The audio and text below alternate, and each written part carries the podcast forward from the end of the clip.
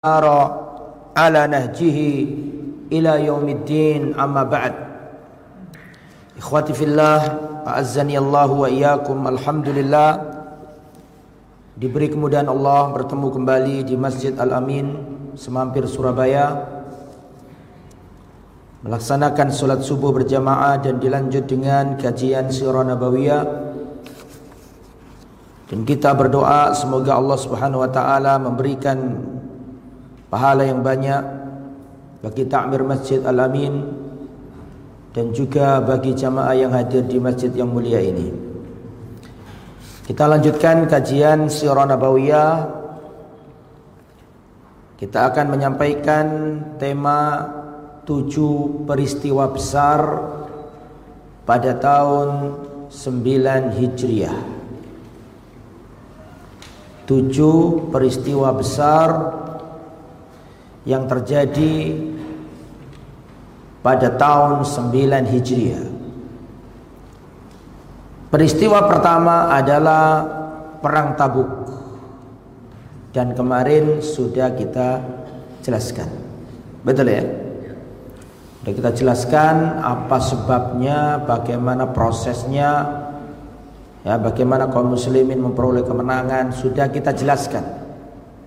Itu adalah peristiwa besar pertama yang terjadi pada bulan atau pada tahun 9 Hijriah. Peristiwa yang kedua terjadi setelah Rasulullah dan kaum muslimin kembali ke kota Madinah.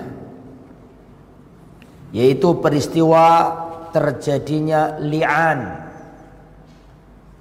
Li'an saling melaknat antara Uwaimir Al-Ajlani dengan istrinya. Jadi ini peristiwa yang nomor dua. Setelah kaum muslimin selesai dari perang Tabuk, pulang terjadi peristiwa di kota Madinah, peristiwa li'an. La'ana yula'inu mula'anatan wali'an saling melaknat antara siapa tadi? Uwaimir Al-Ajlani, betul? Dengan istrinya. Apa yang dimaksud dengan li'an di sini? Mari kita baca peristiwa saling melaknat antara Uwaimir Al-Ajlani dengan istri beliau. Perhatikan. Diriwayatkan dari Imam Muslim peristiwa li'an ini. Kalau di kitab Rohikul Mahtum nggak dijelaskan. Pokoknya ada peristiwa li'an begitu aja ya kan? Nah, ini saya carikan riwayatnya dan saya sampaikan ke antum semuanya bagaimana proses li'an itu terjadi. Ceritanya begini. Uwaimir Al-Ajlani datang ke Rasulullah dan berkata, "Ya Rasulullah, ara'aita law wajada ahaduna imra'atahu ala fahishatin kaifa yasna'u?"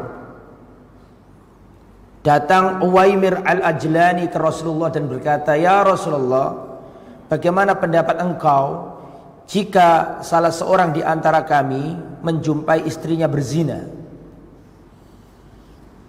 Kaifa Apa yang harus diperbuat oleh seorang suami ketika melihat dengan mata kepalanya sendiri istrinya berzina? Maka Rasulullah mengatakan intakallama takallama bi amrin azim. Jika suaminya itu berbicara tentang itu, maka sesungguhnya dia berbicara tentang perkara yang sangat besar. Wa in sakata ala dhalik. Dan seandainya dia diam, dia pun diam dalam perkara yang besar. Fasakatan Nabi sallallahu alaihi wasallam kemudian Rasulullah diam Rasulullah sallallahu alaihi wasallam diam tidak menjawab Falamma kana ba'dzalika atahu. Kemudian didatangi lagi. Sama siapa tadi? Uwaimir Al-Ajlani. Terus Waimir memperjelas dan berkata, "Innalladzi sa'altuka anhu qad ubtulitu bihi." Ya Rasulullah, sesungguhnya perkara yang aku tanyakan kepadamu kemarin itu menimpa diriku. Aku melihat istriku berzina. Fa'anzalallahu azza wa jalla haula'il ayat fi suratin nur. Maka Allah turunkan surat An-Nur ayat 6 sampai 10. Walladzina yarmuna azwajahum wa lam yakul lahum syuhada illa anfusuhum fashahad fashahad Fasyahadatu ahadihim arba'u syahadatin billahi. Dan orang-orang yang telah menuduh istri-istrinya berzina sedangkan dia tidak mampu menghadirkan empat saksi kecuali dirinya sendiri ya maka laki-laki itu harus bersaksi sebanyak empat kali bahwa dia benar-benar orang jujur dalam persaksiannya itu. Bersaksi berapa kali? Empat kali bahwa dia jujur dalam pengakuannya itu. Adapun yang kelima, dia mengatakan bahwa laknat Allah bagi orang-orang yang berdusta. Jika dia berdusta dalam hal ini maka siap dilaknat oleh Allah. Jadi saya bersaksi, saya melihat istri saya berzina. Satu. Saya bersaksi, saya melihat apa? Istri saya berzina. Sampai empat kali dan dia mengatakan bahwa dia jujur dalam pengakuannya. Ditambah yang kelima yang paling fatal. Apa tadi? Siap dilaknat Allah jika dia berdusta dalam pengakuannya. Paham? Adapun si wanita dia tercegah dari rajam apabila dia menyangkalnya. Kalau si wanita diam aja, nggak nyangkal, kena rajam. Tapi kalau si wanita menyangkal, maka dia bersaksi pula empat hal. Ya, bahwasanya suaminya itu dusta. Saya bersaksi. Ya, saya bersumpah bahwa laki-laki ini berdusta. Berapa kali? Empat kali. Ditambah yang kelima, Sesungguhnya kemurkaan Allah akan menimpa dirinya jika ternyata yang benar adalah siapa? Suaminya. Jelas ya? Berarti empat empat ditambah yang terakhir saling melaknat kan gitu kan? Bisa dipahami? Makanya dikatakan li'an. Apa yang terjadi? Kemudian kembali ke hadis kembali ke hadis jadi ketika sahabat ini menyampaikan itu ke Rasulullah turun ayat ini. Intinya ente kalau benar-benar seperti itu gak ada saksi, ente bersaksi empat hal ditambah yang nomor lima melaknat, betul? Begitu juga istri, kalau menyangkal itu maka dia harus bersaksi empat hal bahwa itu nggak benar gitu kan? Kemudian ditambah yang terakhir yang kelima apa tadi? Bahwa siap mendapatkan kemurkaan Allah jika suaminya yang apa? Yang benar. Berarti kan saling apa? Saling melaknat dalam hal ini. Kemudian fatalahunna ali wa wa'adahu wa dzakkarahu akhbarahu. Setelah mbak turun ayat itu dibacakan Nabi di depan siapa tadi? Uwaimir al-Ajlani. Terus diingatkan, "Inna adzabad dunya ahwanu min adzabil akhirah." Sesungguhnya adab dunia lebih ringan daripada adab akhirat. Faqalah maka Uwaimir berkata, Uwaimir berkata di sini, Qala walladhi ba'athaka bil haqqi innahu faqalat mohon maaf. Faqala la walladhi ba'atha wa ma da'aha. Maka dia bersumpah di depan Nabi bahwa dia mengatakan demi Allah yang telah mengutusmu dengan hak Aku tidak dusta dalam hal ini ya Rasulullah. Terus wanitanya dipanggil Nabi. Wanitanya dipanggil Nabi dan wanitanya mengatakan, La walladhi ba'athaka bil haq innahu lakadzib. Demi Allah yang telah mengutusmu dengan hak ya Rasulullah bahwa laki-laki ini berdusta. Kan nggak ketemu kan berarti kan? Yang suami mengklaim wanitanya jelas-jelas berzina kan gitu kan? Yang wanita mengklaim dan berani bersumpah bahwa suaminya berapa? Berdusta. Fabada abir rajuli fasyahida arba'a sahadat. Dimulai dari Uwaimir bersaksi empat kali. Ya. Terus ditambah yang kelima siap dilaknat Allah jika apa? Jika dia berdusta. Kemudian gantian ya, kemudian gantian uh, kepada si wanita. Wanitanya pun bersaksi empat kali bahwasanya suaminya adalah orang yang pendusta dan yang nomor lima siap dilaknat oleh Allah siap dimurkai Allah kalau si suaminya termasuk orang yang jujur dalam pengakuannya.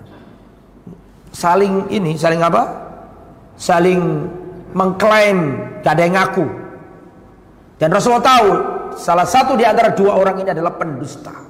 Gak mungkin ya menggabungkan dua hal yang bertolak belakang. Mesti salah si jini ono sing salah. Mesti salah si jini ada yang berdusta.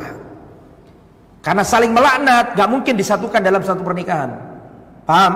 Maka dipisah sama Nabi. Ya, thumma farraqa bainahuma. Diceraikan. Gimana seandainya orang berdua ini terus melanjutkan pernikahannya? Kena laknat karena pasti salah satunya berdusta. Iya kan? Dan salah satunya pasti kena laknat. Makanya dipisah sama Nabi, nggak boleh. Kemudian Nabi berkata, Allahu ya'lamu anna ahadakum kadzib. Allah tahu salah satu di antara kalian berdua ini pendusta atau berdusta dalam hal ini. Fahal minkum ta'ib? Apakah salah satu di antara kalian ini mau bertobat? Rasulullah ulangi tiga kali.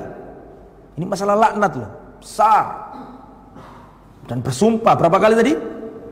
Empat kali tambah yang kelima dengan apa? Laknat. Di, nasihat Nabi, Allah itu tahu salah satu di antara kalian ini pendusta. Tobatlah kalian. Ya akhirnya karena gak ada yang ngaku dipisah. Setelah dipisah kata si Waimir, ya Rasulullah bagaimana dengan maharku dulu yang aku kasihkan ke dia?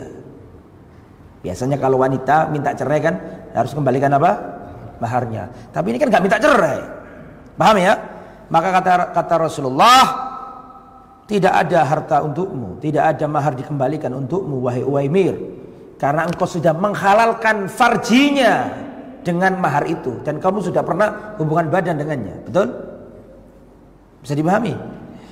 Nah, itu kalau kamu jujur dan seandainya kau dusta, maka engkau lebih tidak berhak lagi untuk mendapatkan apa? Mahar itu. Itu peristiwa besar pertama, geger itu di kalangan para sahabat.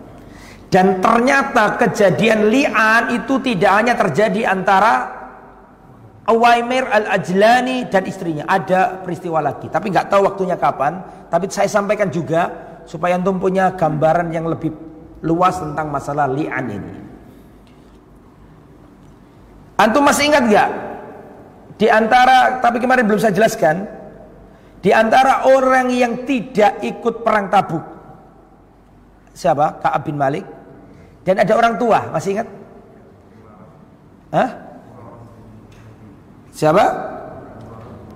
Hilal bin Umayyah, betul? Siapa? Iya. Betul enggak? Sudah sepuh ya?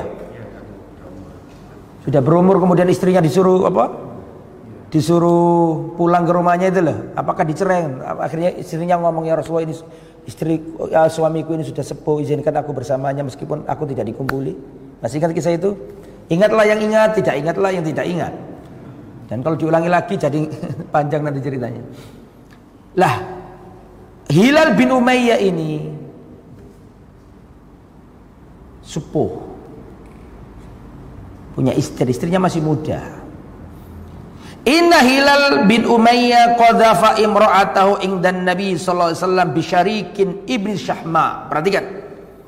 Hilal bin Umayyah datang ke Nabi menuduh istrinya berzina sama laki-laki yang bernama Syarik bin Sahma.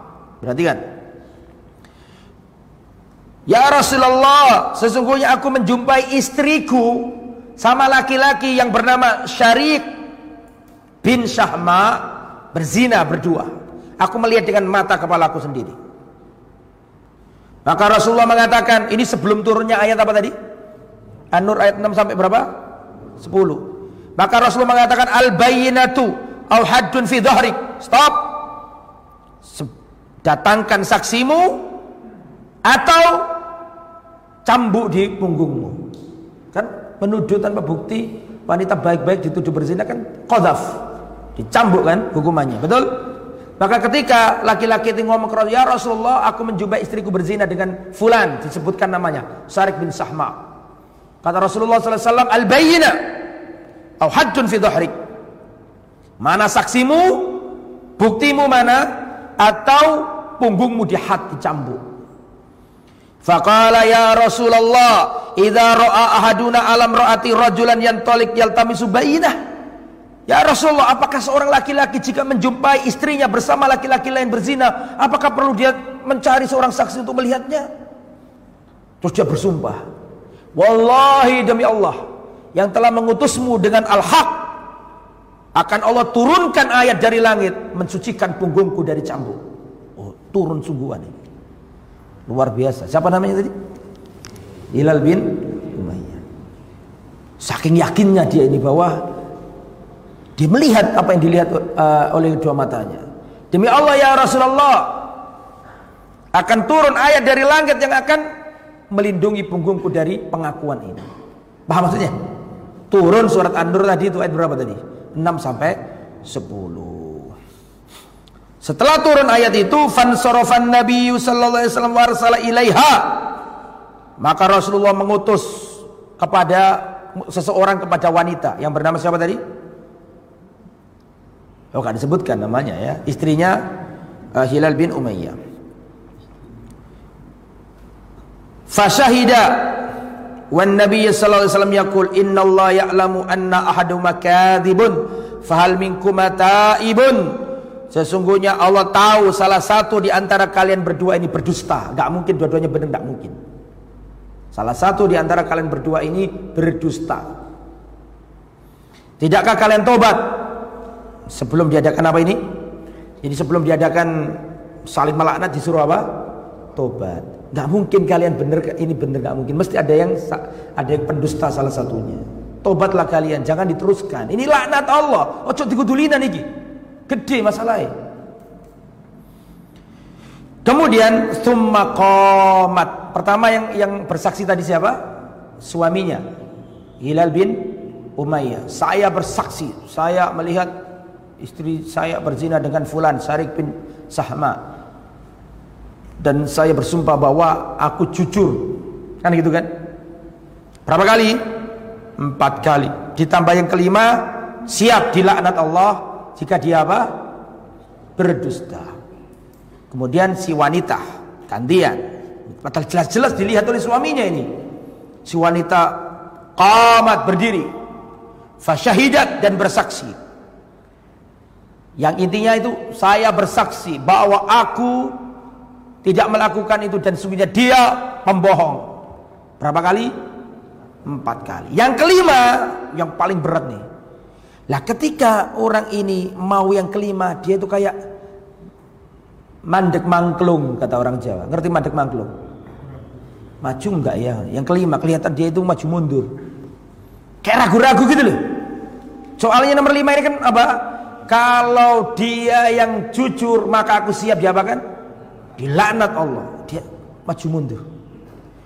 Maka orang-orang berkata, Innaha mujabah.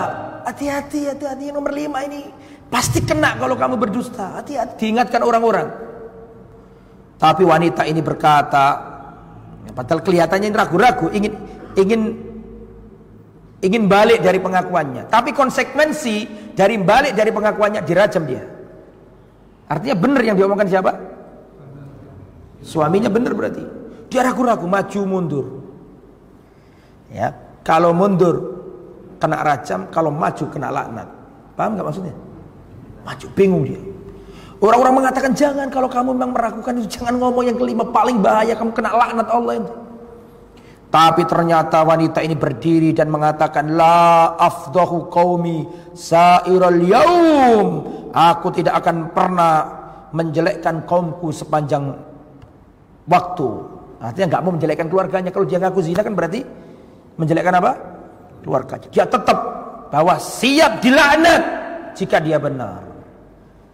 Otomatis dua-duanya dia apa? Dipisah karena nggak ada yang ngaku dan nggak ada saksi kecuali siapa? Kecuali dia sendiri yang berperkara dipisah. Gak bisa Rasulullah menghukum gak, karena nggak ada saksi kecuali dia ini kan yang berperkara, yang mengklaim kan harus memberikan saksi karena nggak ada dipisah sama Nabi. Nggak boleh bersama lagi. Terus Nabi ngomong, absiruha, perhatikan wanita ini. Istrinya Umayyah bin eh Hilal bin perhatikan.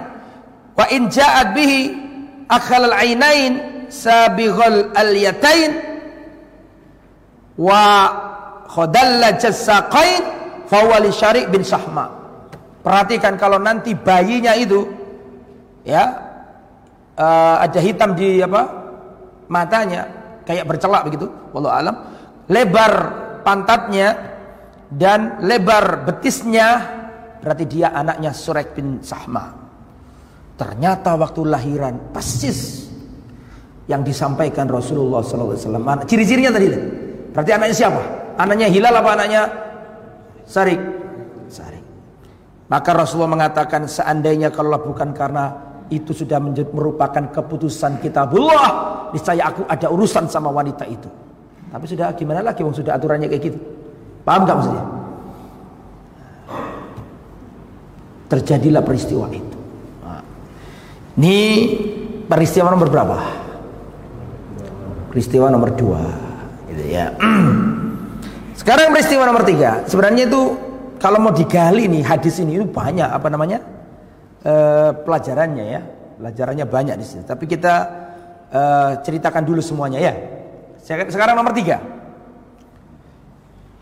nomor tiga terjadi peristiwa besar apa itu Rujimatil mar'a al-ghamidiyah terjadi perajaman wanita Al-Ghamidiyah.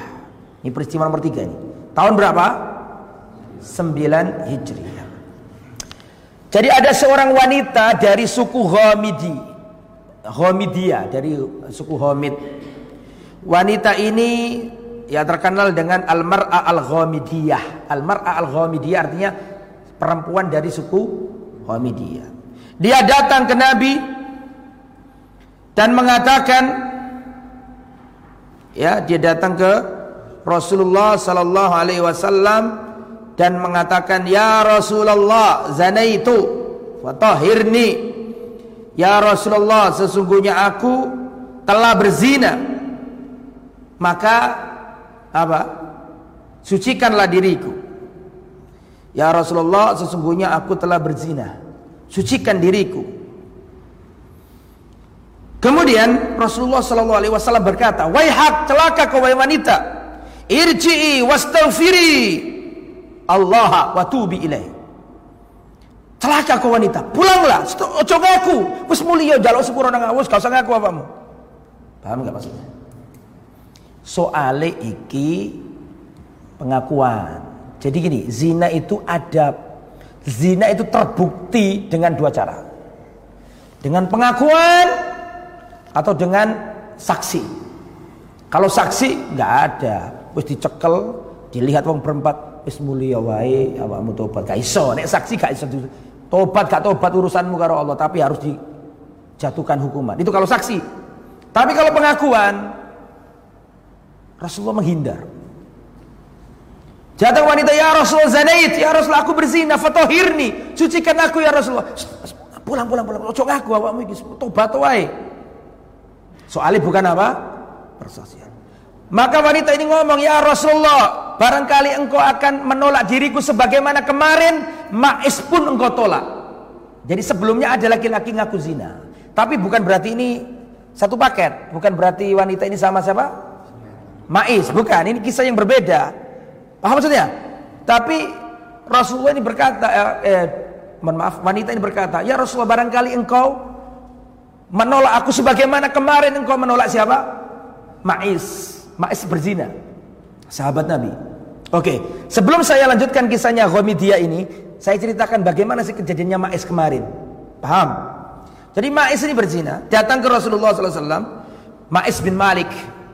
Dia mengatakan, Ya Rasulullah, aku telah berzina, sucikan diriku ya Rasulullah. Maka kata Rasulullah, Waihak, irji, wastaghfirillah, ya tub, tub ilai. Celaka kamu, minta ampun sama Allah, tutup dirimu, jangan jangan ngaku, pulanglah, tobat sama Allah.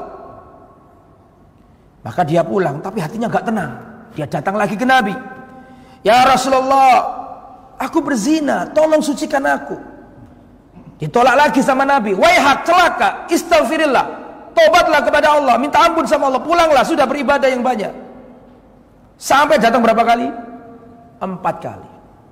Ditolak sama Nabi. Datang Rasulullah begini, datang Rasulullah begini. Kayak seakan-akan wis ojo ngaku awakmu iku, tobat wae sing temenan. Paham ya? Sampai berapa kali? Sampai empat kali. Baru setelah empat kali ngaku, Rasulullah baru itu pun gak langsung ya wis wis papat kan awakmu ya saya dirajam. Gak ngono. Wis papat Rasulullah ngomong cari tahu ke orang-orang, tolong selidiki orang ini. Ini orang ini ada ada majnunnya apa enggak? Ngerti Majnun? Jangan-jangan orang ini orang gila ya. Disuruh selidiki. Kata orang-orang, enggak ya Rasulullah, dia itu memang apa? Waras, orangnya gak gila. Tolong selidiki, selidiki lagi, apakah dia ini orang yang biasa minuman keras? Paham enggak? Sampai segitunya loh. Karena ini apa? Karena ini pengakuan, bukan persaksian. Sampai segitu. Bahkan dalam riwayat, barangkali cuma kamu cium saja. Barangkali cuma kamu pegang. Sampai sedetil itu. Kan ini urusan darah ini. Urusan apa? Darah. Salah memaafkan lebih baik daripada salah menghukum. Karena kalau sudah mati, terus salah, gak iso meneh. Paham? Salah memaafkan lebih baik daripada apa? Salah menghukum. Kok dipotong tangannya ternyata wong gak salah. Ya kan soro. Misalnya kalau mencuri misalnya. Sampai akhirnya Terus terbukti semuanya dengan detail bahwa memang Ma'is ini berzina dan sudah dengan pengakuannya dengan Rasulullah menghindar berempat kali diteliti Nabi minta orang menyelidiki benar-benar dia berzina. Paham sampai sini? Akhirnya apa yang terjadi? Dirajam. Dirajam sama sahabat karena dia ini pengakuan maka wallahu alam tidak di tidak dikubur. Kan biasanya kan dikubur separuh kan terus enggak karena pengakuan. Ketika dirajam nggak kuat, kesakitan dia lari Ma'is ini. Pernah dengar kisah ini? Makanya ngaji kan, kerungu, alhamdulillah sama teko ya kerungu asli lagi. Melayu Ma'is ini dikejar sama sahabat sambil dilempari sampai wafat. Kedengaran Rasulullah, marah Rasulullah. Kenapa kalian kejar dia? Barangkali Allah apa, mengampuninya dan menerima tobatnya. Karena ini pengakuan. Itu nggak berlaku kalau dengan apa? Persaksian. Paham ya? Nah perhatikan. Maka ada kasus seperti itu. Datanglah mar'ah dia ini. Datang ke Nabi. Ya Rasulullah zanai tohirni. Ya Rasulullah saya berzina. Sucikan diriku. Kata Nabi. Celaka engkau. Stop. Jangan bicara. Tobat aja engkau pulang ke rumahmu. Minta tolong apa? Minta ampun sama Allah. Kan gitu kan. Terus wanita dia itu merasa diperlakukan sama dengan siapa? Ma'is ya Rasul barangkali engkau menolak aku sebagaimana kemarin engkau menolak siapa? Ma'is. Akhirnya dia ngomong, saya khubla minaz zina. Saya mengandung ya Rasul. Gak ada alasan untuk mengatakan saya gak berzina. Mau saya mengandung sekarang ini. Paham gak Mas? Ini buktinya ini. Bahwa saya ini berzina. Akhirnya kata Rasulullah SAW, ya ini saya baca fil, bil makna saja, tidak secara letter luck Ya sudah kalau begitu itu sudah ngaku bolak-balik itu. Akhirnya kata Rasulullah, tunggu sampai apa? Engkau lahiran. Saya mau tanya, masa mengandung berapa bulan? Hah? Sembilan bulan. Sembilan bulan ini kira-kira bisa membuat orang berubah nggak imannya?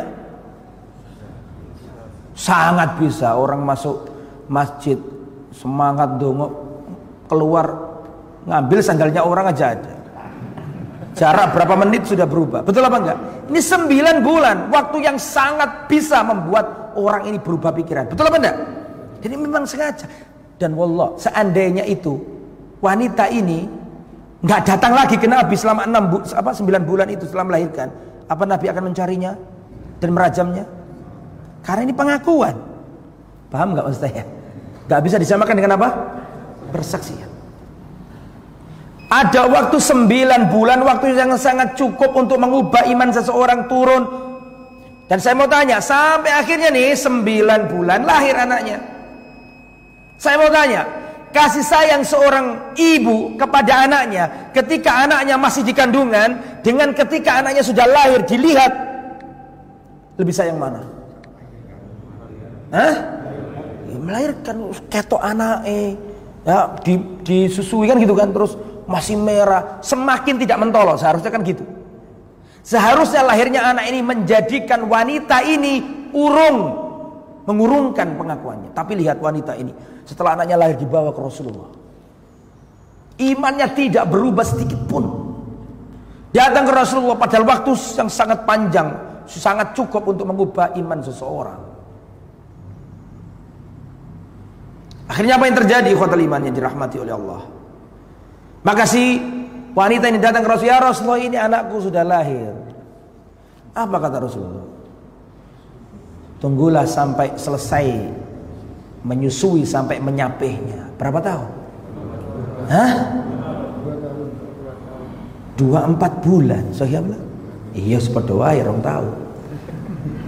Waktu yang sangat sangat sangat cukup untuk mengubah iman seseorang. Paham?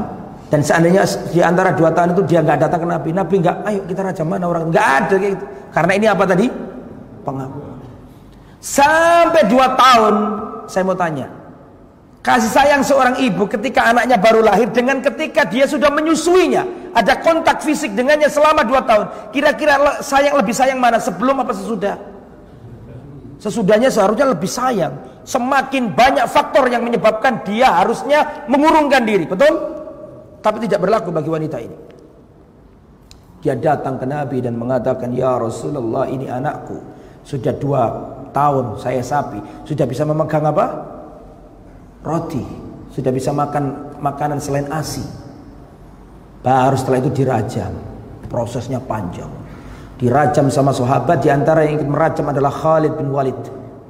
Dilempar dengan batu muncrat darahnya kena Khalid. Khalid marah-marah. Mahlan ya Khalid. Pelan-pelan ngomong gue Khalid.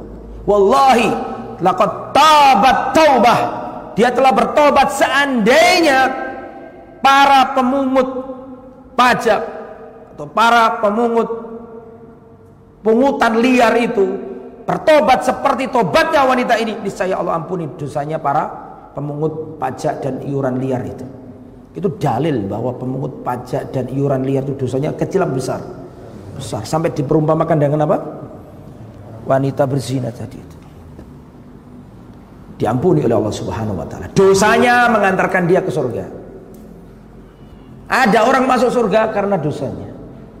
Dia tobat dari dosanya. Dan ada orang masuk neraka karena amalannya. Tiga orang yang dilemparkan ke neraka pertama kali masih ingat kisahnya? Jadi nggak usah disampaikan. Karena sudah sering disampaikan. Tiga orang yang pertama kali dilemparkan ke neraka. Ahli jihad, ahli sodaka, dan ahli ilmu. Betul? Dilemparkan semuanya karena nggak ada ikhlas. Makanya kadang-kadang kita yang tertipu dengan amalan manusia. Ah itu amal itu peristiwa nomor berapa tadi? Nomor tiga. Sekarang nomor empat. Tufiya an-Najasi ashama malikul Habasya fi Rajab sallallahu alaihi Rasulullah sallallahu alaihi wasallam al salat al-ghaib fil Madinah.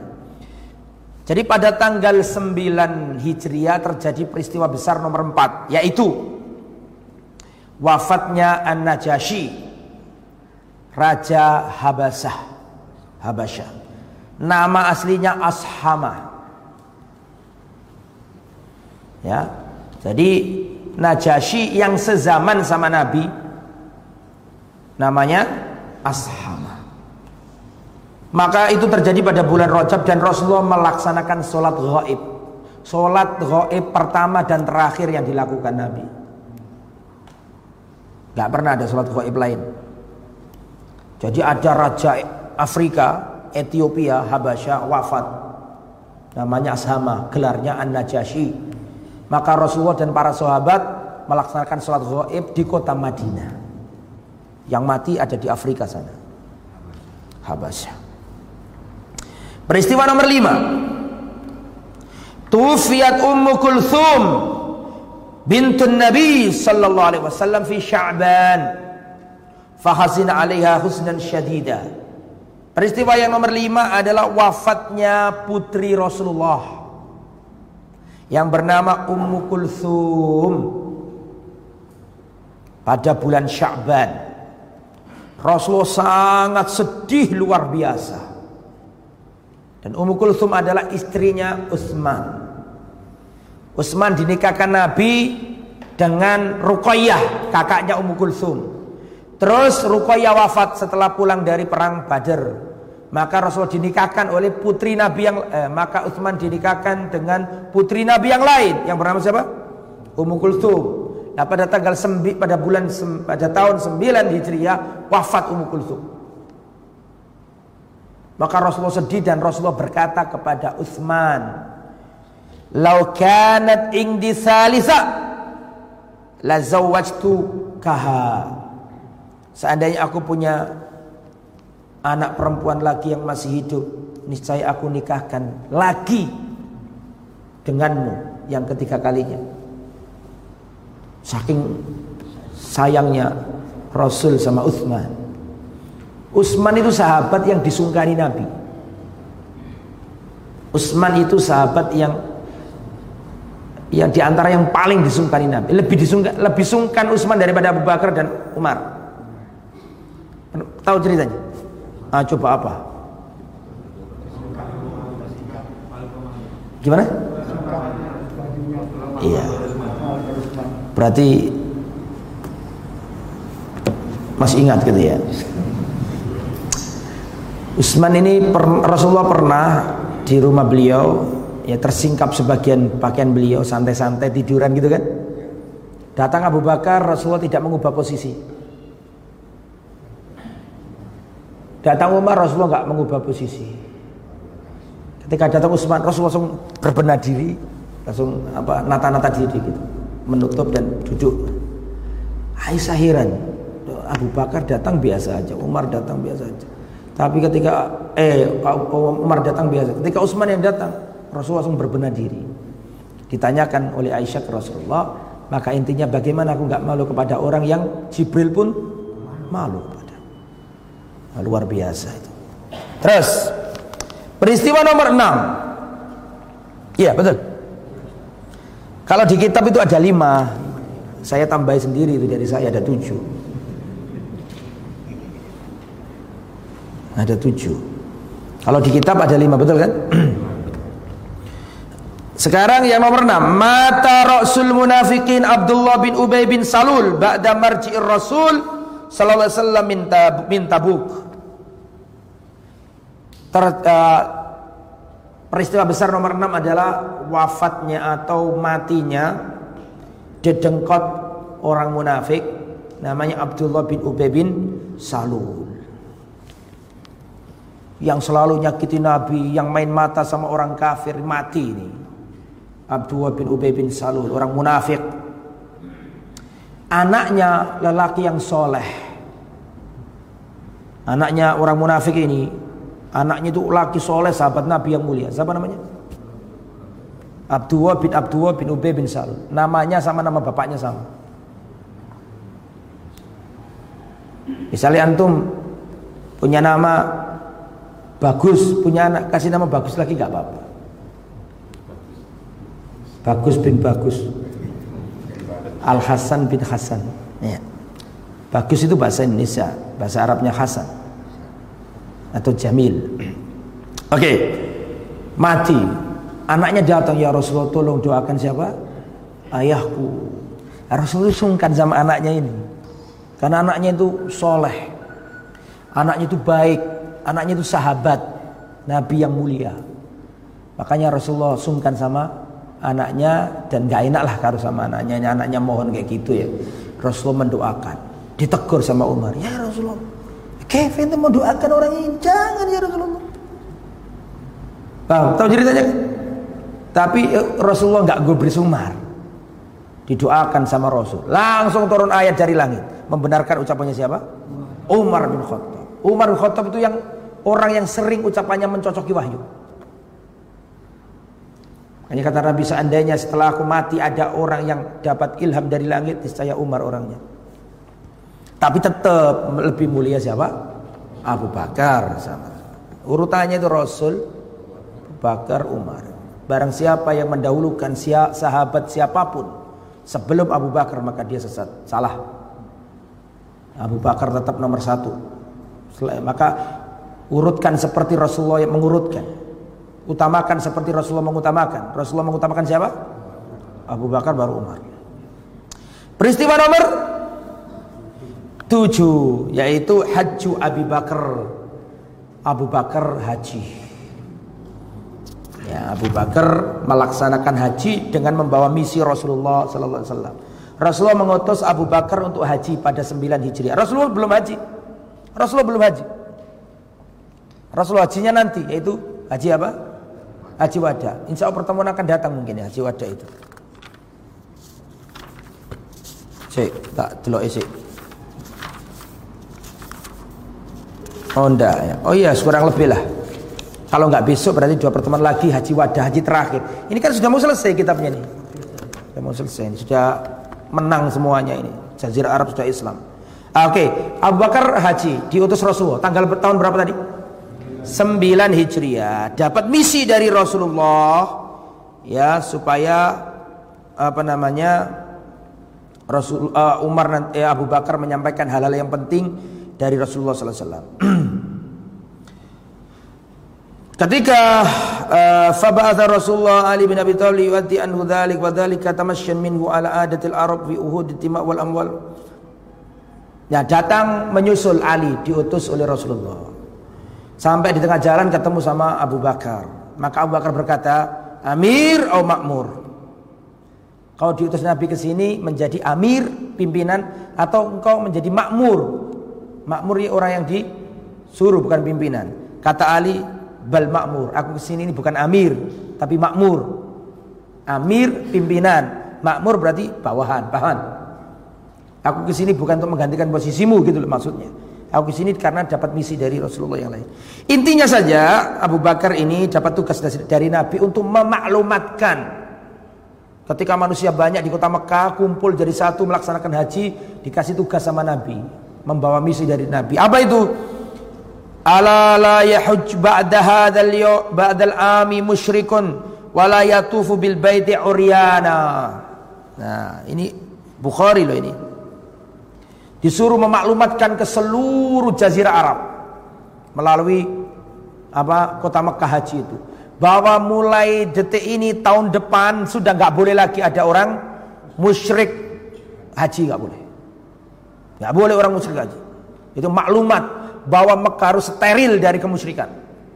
Mulai detik ini, haji ini terakhir, besok sudah nggak boleh ada lagi orang musyrik melaksanakan ibadah haji. Dan tidak boleh mulai detik ini, tahun depan sudah nggak boleh lagi ada wanita tawaf sambil telanjang. Itu dalil bahwa kalau orang mengatakan cadar budaya Arab keliru. Budaya Arab itu telanjang. Budaya Arab itu telanjang. Tari perut itu, itu budaya mereka. Jadi kalau dia mengatakan cadar terus jilbab besar itu budaya Arab karena di sana banyak debu biar nggak kelilipan. Budaya Arab itu telanjang makanya turun ayat ini tutuplah aurat kalian. Paham maksudnya ya? Budaya budaya Arab itu tidak berjilbab dulu. Ini dalilnya di antaranya. Jadi dulu itu orang Arab jahiliyah itu mereka melaksanakan haji tapi hajinya itu diselewengkan dari haji yang diajarkan Nabi Ibrahim salah satu penyelewangan itu wanita itu telanjang bulat bukan kotak lagi bulat ya, dari ujung rambut sampai ujung kaki bulat terus rambutnya nih ditaruh di depan ore-ore kata orang Jawa ngerti ore-ore kan untuk menutupi buah dadanya terus tawaf jahiliyah lah itu sudah dimaklumatkan Abu Bakar mulai detik ini tahun depan sudah nggak boleh lagi ada. Berarti itu maklumat bahwa Mekah harus steril dari adat jahiliyah. Paham? Nah itu itu selesai sampai sini. Insya Allah besok akan kita lanjutkan haji wada insya Allah. Atau ini ada hal-hal kecil seperti utusan-utusan. Ini nggak mungkin diceritakan semua. Cukup maklumat umum saja bahwa besok itu orang-orang datang berbondong-bondong ke kota Madinah masuk Islam. Sumpah setia Islam jaya kuat semua sudah Islam semua. Ya lah baru nanti haji wada haji yang terakhir. Namanya haji wada. Wada itu perpisahan. Jadi di ucapannya Nabi di haji wada itu sudah menunjukkan bahwa sebentar lagi Rasulullah akan apa? Akan meninggal atau wafat Sampai di sini. Ada pertanyaan? Kalau nggak ada, saya bertanya dan dapat hadiah. Ini tadi ada seorang teman yang ngasih buku ini. Sirah Nabawi terjemahan dari kitab ini. Penerbitnya macam-macam ya. Ini penerbit beda dengan yang biasa ya, saya lihat itu. Tapi tidak apa-apa, sama-sama terjemahannya. Kalau nggak ada tanya, saya yang tanya yang bisa dapat kitab ini. Ini kitab ini terjemahan dari kitab ini. Kitab yang bahasa Arab. Cuman terjemahan itu memang kadang-kadang ada kelemahannya, nggak pas itu sering terjadi. Di penerbit mana pun kadang-kadang ada seperti kudang ada kudang kurang pas gitu. Jadi kalau antum baca Arab asli dengan bisa bahasa Arab dengan baca terjemah itu ada nilai rasa yang berbeda. Tapi daripada gak belas ya, penting lah gitu loh, gampang aneh. Eh. Pertanyaannya, Gak boleh lihat ketika menjawab. Sebutkan tujuh hal peristiwa besar yang terjadi di tahun 9 Hijriah. Kuampang Pol. Silakan. Lian. Lian satu. Lian antara Uwaimir Al-Ajlani dengan istrinya, betul? Masa masih cipta? eh. Terus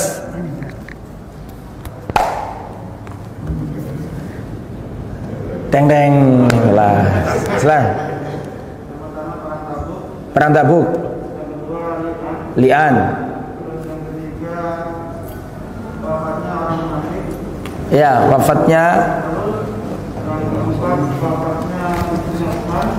Um, um Kulthum istri Rasulullah putri.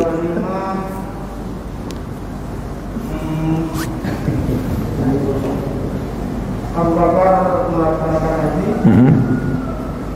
yang keenam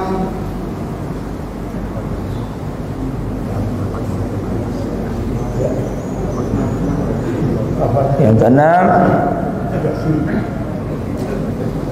Ini yang keenam apa ketujuh ini Kenapa?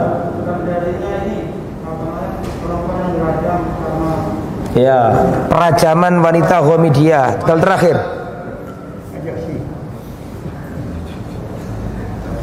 Pokoknya matinya ada tiga. Sama menyebutkan mati ada dua, kurang satu mati. Iya, betul. Masya Allah. Mohon maaf. Nah, ini hadiah sebesar gunung Uhud. Ilmu soalnya ya. Alhamdulillah semoga apa yang disampaikan bermanfaat dan kita bisa mengambil hikmah-hikmah yang penting membuka cakrawala sejarah itu penting. Jadi sikap-sikap itu bisa kita pelajari dengan melihat apa? Sejarah. Ya, cuman tadi ini karena waktu aja. Aslinya itu per poin harusnya dijelaskan faedah-faedahnya. Pelajaran yang bisa dipetik dari apa uh, wanita Khomidiyah di Rajab itu sebenarnya ada satu dua tiga empat gitu sebenarnya ada kayak gitu tapi tidak apa-apa semoga dengan itu punya gambaran umum tentang sirah nabawiyah Taib semoga bermanfaat Subhanakallahumma wa bihamdika an la ilaha illa anta astaghfiruka wa atubu ilaik. Ala nabiyyina Muhammad wa ala alihi wa sahbihi ajma'in walhamdulillahi rabbil alamin. Wassalamu alaikum warahmatullahi wabarakatuh.